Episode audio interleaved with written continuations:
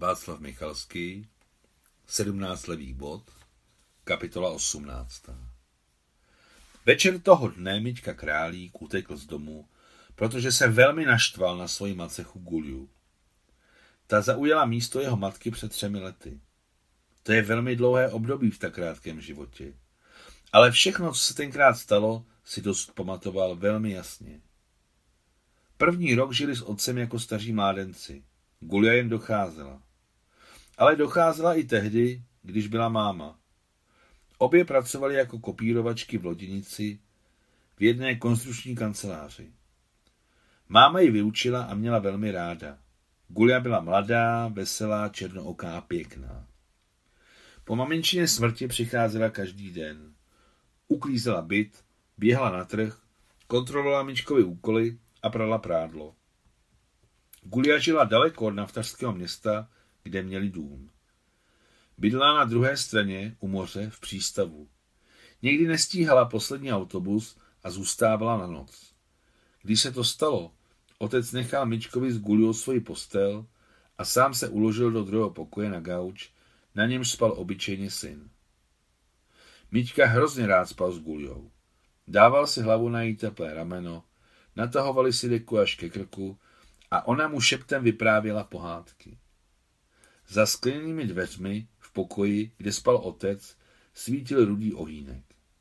Z neznámého důvodu hodně kouřil, když u ní Gulia zůstávala.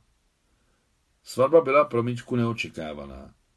Jednou v sobotu přišel ze školy a na stole v obývacím pokoji byl bílý ubrus, jablka, bombony a víno. Tak, řekl otec a zčervenal. Čekáme na tebe. Teď už bude vždycky s námi. Gulia se tiše rozplakala. To stačilo, proč brečíš, to bude dobrý, přerušili laskavě otec, když položil svou velikou ruku na její slabé rameno. Pojďte, radši se napijeme. Gulia si utřela černé oči, které se blízkaly slzami a políbila myčku na čelo. Otec ošpuntoval hev šampaňského. Udělal to velmi šikovně. Bez výstřelu. Neslavnostně. Jakoby pokradmu. Poprvé v životě pil Miťka víno. Pil jako dospělý. Chutnalo mu. Opil se a prosil ještě nalít. Otec se rameny a řekl, no ty máš ale splávek. Gulia zčervenala, plakala a smála se a pořád Mičku líbala a přitiskávala si jeho hlavu na prsa. Víno Mičku brzy umořilo a tak se mu zachtělo spát. Chtěl ležet na posteli, ale otec ho vzal do náruče a odnesl na gauč. Spánek syna tak zmáhal, že neodporoval. Poprvé nespali s Guliou spolu. A od těch dob to tak bylo pořád. Gulia s hlavou položenou na otcovo tvrdé rameno, s tím spala na posteli a šeptali si podekou, přitaženou až pod bradu.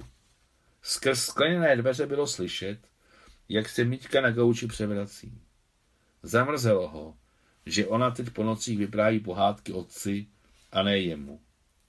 Když se na ní ráno díval, jak chodí po bytě v župánku, který se občas náhodně otevřel, viděl, že už nechodí tak jako dřív.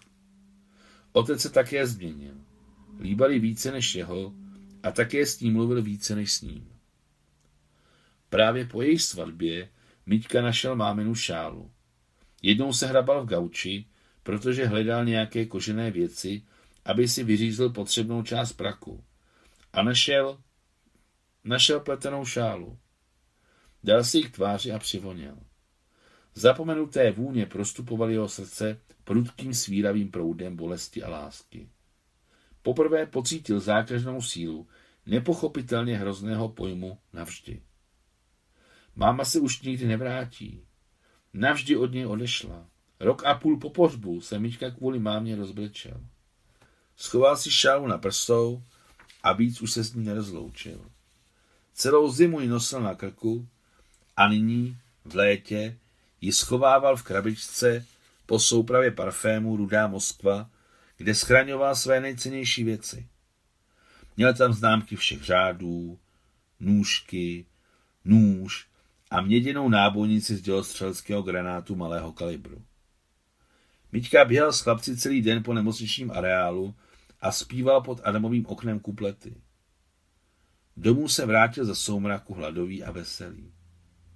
Na šňůře ve dvoře vyselo prádlo a mezi bílými prostěradly povlaky na polštáře a dekami modrá šála. Bylo to, jako by mu chrstli horkou vodu do tváře. Přiběhl ke šňůře, strhnul šálu a přitlačil si na tvář. Vonila mídlem a větrem. Mítěnko, kde se touláš tak dlouho? Zavolala na něj něžně Gulia. Scházela ze vchodu a držela na boku emailový lavor, aby do něj naskládala suché prádlo. Ty, ty! zakřičela Miťka, roztahující proti ní šálu. Já, samozřejmě já, byla tak špinavá, nechápajíc, radostně se usmála Gulia. Vždycky chtěla tolik posloužit svému synovi. Miťka trhl hlavou a celý se naježil.